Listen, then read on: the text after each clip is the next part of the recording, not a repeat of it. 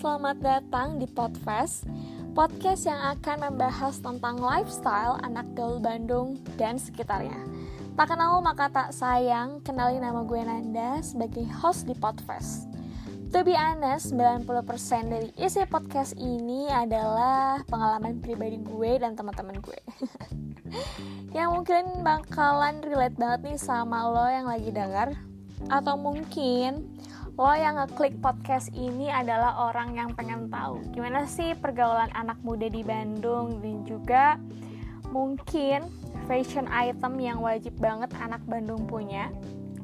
Di sini juga gue akan membahas tentang kenapa sih dengan lifestyle-nya anak milenial ini kita sering banget nih diprediksi untuk gak akan bisa beli rumah juga kenapa sih kita disebut terlalu konsumtif dalam hal yang mengejutkan lainnya adalah milenial ini rentan banget dengan gangguan mental atau stres.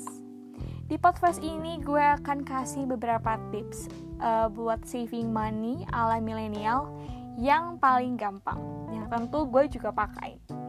Oke, okay, mungkin ada beberapa yang harus gue bahas dari pergaulan anak Bandung ya. Dan gue mulai dari kota Bandung dulu. Kota Bandung itu dijuluki dengan kota kembang kota fashion dan masih banyak lagi julukan buat kota yang indah ini. Banyak banget nih yang bilang kalau Bandung itu terkenal sama cewek-cewek cantik dan cowok-cowok ganteng. Katanya sering dibilang Mojang Bandung Cena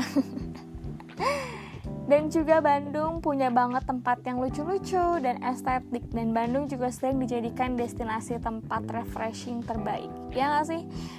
Selain cuacanya yang enak banget buat jalan-jalan dan refreshing ya Mungkin untuk melepas penat lo selama kerja selama seminggu Terus lo weekend datang ke Bandung. Dan itu menjadi salah satu destinasi tempat terbaik sih menurut Bandung juga punya banyak banget tempat lucu dan estetik buat ngumpul atau nongkrong bareng sama teman-teman atau buat sekedar nugas bareng.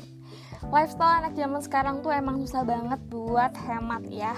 Mungkin gak semua sih, cuman kebanyakan itu kita suka banget sama yang namanya nongkrong dan nongkrong pun gak bisa dipisahin dari image anak muda, ya kan? Menurut anda ya, semua anak muda di Bandung tuh hobi banget sama yang namanya nongkrong, ngopi di coffee shop dan cuma sekedar beli satu cup gelas kopi aja nongkrongnya bisa lama banget berjam-jam. yang bikin kita betah tuh karena vibes tempat coffee shopnya yang mendukung banget nih buat ngecil atau ngobrol sama teman-teman ya kan. Belum lagi kalau tempatnya estetik dan instagramable banget. Banyak tempat ngopi yang hanya menjual tempatnya aja dibanding menunya, ya kan? Fashion starter pack anak Bandung buat nongkrong itu adalah gaya jauh-jauh dari pakai kaos daus, Vespa Matic dan juga pakai jam tangan iWatch. Dan selalu kayak gitu ritmenya dan udah pasti ketebak, ya nggak? lo pasti relate dong, atau lo juga mungkin punya fashion item tersebut. Gaya hidup anak muda zaman dulu sama zaman now itu udah beda banget dan sering kali kita dibandingkan dengan generasi zaman orang tua kita ya kan Generasi milenial atau yang biasa disebut dengan generasi Z ini sering dinilai sebagai generasi yang kreatif dan sangat berani melakukan hal-hal yang beresiko tinggi. Selain itu, generasi milenial ini menurut gue dinilai memiliki ide-ide yang wawasannya menarik. Iya gak sih? Serta kita tuh punya karakter yang emang sebenarnya produktif cuman karena adanya pandemi ini yang membuat kita tidak menjadi produktif gitu ya. Namun di samping hal-hal positif tersebut nih menurut gue juga generasi milenial kerap dinilai sangat konsumtif. Seperti yang gue baca di sebuah artikel yang dilansir dari CNN Indonesia, menurut Ben Soebiakto, seorang pengamat pakar digital lifestyle, Generasi milenial dikenal sebagai uh, generasi yang sangat konsumtif karena pengaruh budaya digital dan seringnya menggunakan internet. Tentu menurut gue internet juga memudahkan kita semua, ya kan? sekarang apa-apa cepet gak perlu pakai ribet udah banyak banget e-commerce e-commerce yang menjual berbagai barang atau stuff yang kita butuhin mulai dari baju. Kita kalau beli baju nggak perlu lagi datang ke mall. Cukup dengan belanja online dan buka suatu aplikasi pilih model apa yang lo pengen dan itu ada gitu ya. Dan jangan takut untuk ketipu karena banyak banget testimoninya ya kan? Dan semua itu menjadi mudah karena adanya internet. Terus lo mau makan dan lo pengen BM sesuatu yang jauh dari rumah lo. Dan sekarang tinggal pesan lewat online banyak banget sekarang aplikasi uh, penjual makan online gitu ya tinggal lo pesan aja asal ada uangnya semua bisa ya kan dan udah segampang itu Nah, tentu itulah yang membuat kita nih kaum milenial semua jadi lebih konsumtif. Kemudahan juga salah satu hal yang harus kita pelajari lebih baik dan lebih bijak. Beda banget nih sama generasi orang tua kita yang semuanya mungkin terbilang agak sulit dan butuh effort gitu ya. Dan sekarang generasi sekarang tuh generasi gue tuh semua serba mudah dan gampang gitu ya.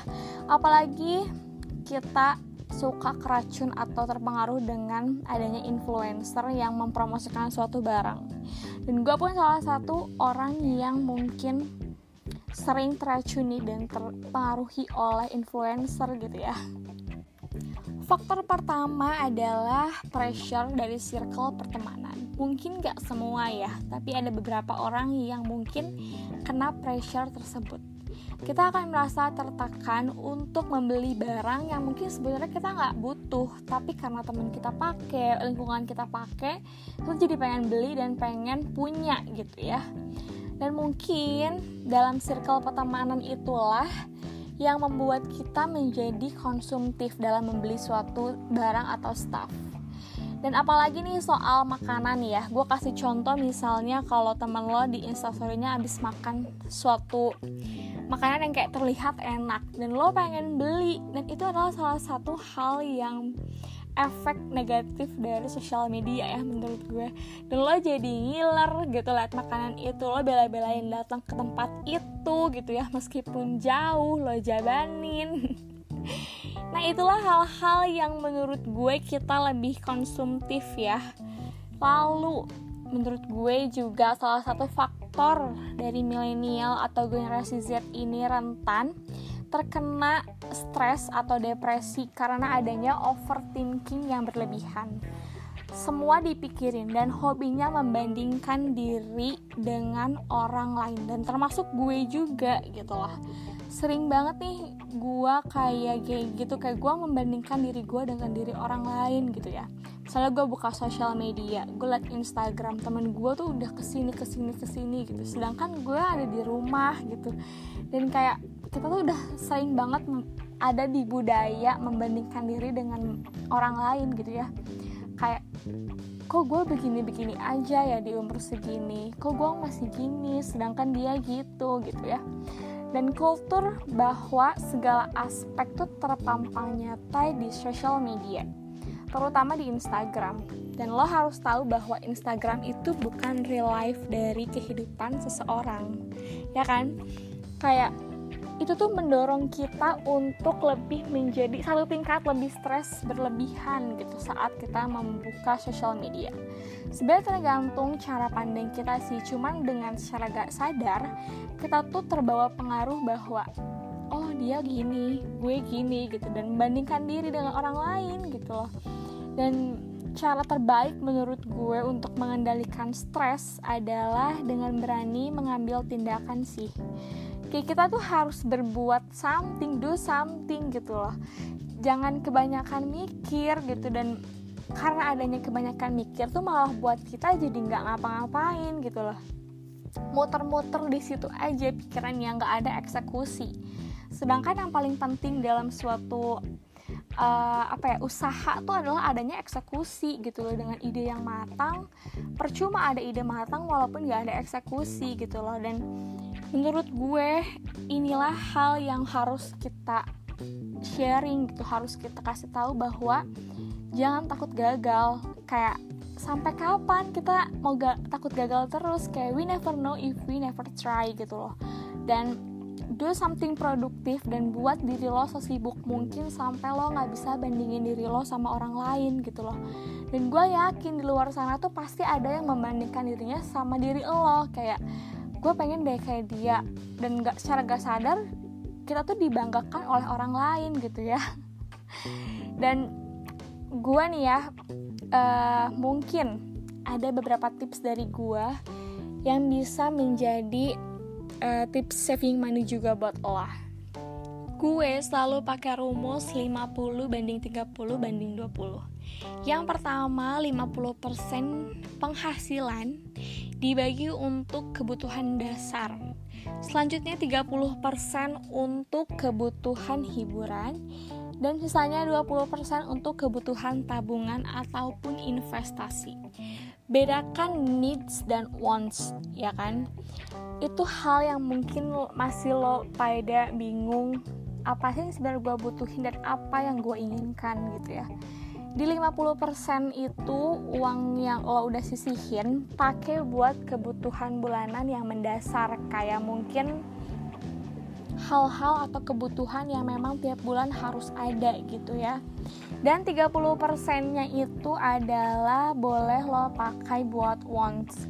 Kayak lo mau main, mau nongki atau lo mau makan di tempat yang mungkin agak fancy dan 30% tuh lo pakai deh buat kebutuhan yang lo pengen kayak baju gitu-gitu dan stuff-stuff yang mungkin lo pengenin banget gitu dan 20% jangan lupa buat saving money atau invest nabung.